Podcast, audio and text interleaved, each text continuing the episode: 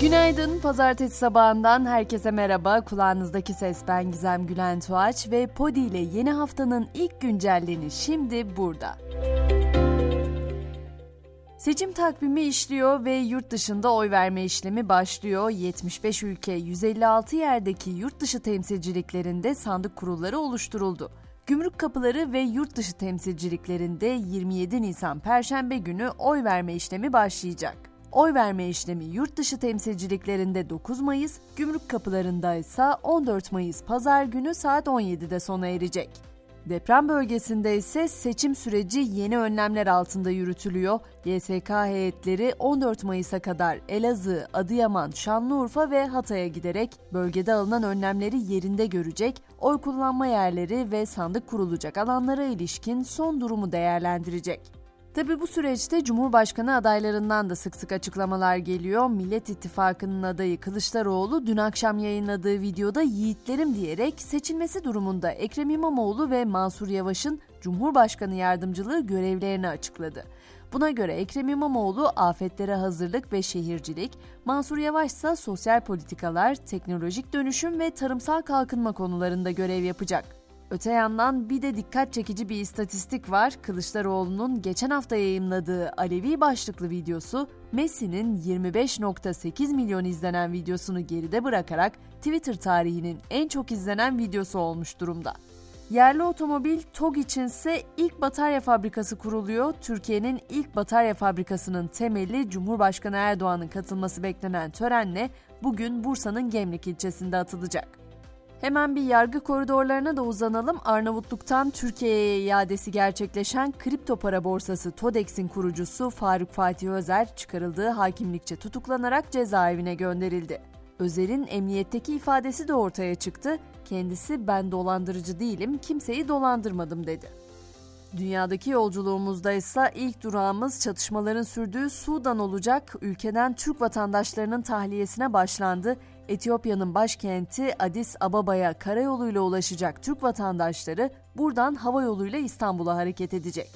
Avrupa'ya geçtiğimizde ise Fransa'yı biliyorsunuz uzun zamandır grevlerle anıyoruz ama ülkenin başkenti Paris'te ceketi metronun kapısına sıkışan bir kadın hayatını kaybetti.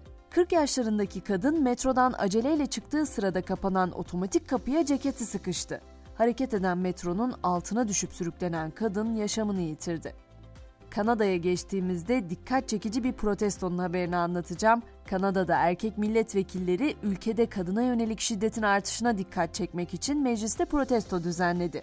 Milletvekilleri bir kadın sığınma evi tarafından düzenlenen Hope in High Heels etkinliği kapsamında pembe topuklu ayakkabı giyerek mecliste yürüdü. Yapay zeka tarafında ise durumlar biraz karışık gibi geçtiğimiz günlerde Google CEO'sundan bir itiraf gelmişti. Yapay zekaların kendi kendilerine öngörülemeyen yetenekler kazanabildiğini söyledi ve hızlı ilerliyor, tüm yanıtlara sahip değiliz, bu yüzden geceleri uyuyamadığım doğru dedi. The Economist dergisi de yeni kapağında yapay zeka yani Artificial Intelligence kısaltmasına melek ve şeytan amblemleri koydu. Anlaşılan o ki bu konuda hepimizin kafası oldukça karışık. Yapay zekadan sosyal medyaya geçeceğim. Twitter ödemeli sisteme geçmeyen kullanıcıların mavi tik rozetlerini 20 Nisan'da kaldırmıştı hatırlayacaksınız. Ancak bu kararda bir esnemeye gidildi. 1 milyondan fazla takipçisi olan yüksek profilli hesapların mavi tikleri iade edildi. Bu kapsamda Beyoncé, Harry Kane, Victoria Beckham gibi dünyaca ünlü isimler hesaplarındaki mavi tiklerini geri aldı. Yapay zeka ya da sosyal medya bir yana hala kitap okuyanlar şüphesiz çok kıymetli ve dünyanın en çok kitap okuyan ülkeleri belli oldu. İlk 10 ülke arasında Asya'dan 6, Avrupa'dan 4 ülke yer alıyor. O listede Hindistan ise liste başı olarak öne çıkıyor. Onu sırasıyla Tayland ve Çin takip ediyor. Hindistan'da her kişi haftada ortalama 10 saat 42 dakika kitap okuyor. Türkiye ise haftada ortalama 5 saat 54 dakika kitap okunma süresiyle listenin 18. sırasında. Peki yurt dedik, dünya dedik, uzaydan söz etmeyecek misin Gizem derseniz elbette söz edeceğim. 120 bin euroya uzayda yemek ve stratosfer selfisi mümkün. Ne demek istiyorum? Fransız bir girişim 2025 yılına kadar hevesli turistleri bir uzay balonuyla stratosfere gönderme planlarını duyurdu. 6 saatlik gidiş dönüş yolculuğunun maliyeti kişi başı 120 bin Euro'dan başlayacak. Yolculukta misafirler lüks basınçlı bir kapsülde dünyanın benzersiz manzarası eşliğinde güzel bir akşam yemeği yiyecek. Artık spor diyelim Süper Lig'in 31. haftasında Galatasaray sahasında ağırladığı Fatih Karagümrük karşısında 3-1'den geri dönüp 3-3'lük eşitliği yakalasa da galibiyeti çıkaramayıp Beşiktaş derbisi öncesi şampiyonluk yarışında kritik bir puan kaybı yaşadı. Sarı Kırmızılıların ligde iç sahadaki 10 maçlık galibiyet serisi de bu beraberlikle sona ermiş oldu.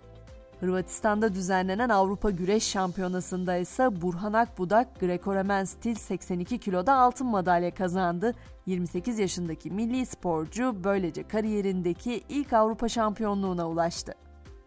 Ve güncellenin sonuna geldik. Bu sabaha Kemal Tahir'den bir söz bırakalım istedim. Aslanın ölüsüne karşı söylenenler, dirisine karşı söylenemeyenlerdir diyor usta yazar. Akşam 18'de tekrar görüşünceye kadar şimdilik hoşçakalın.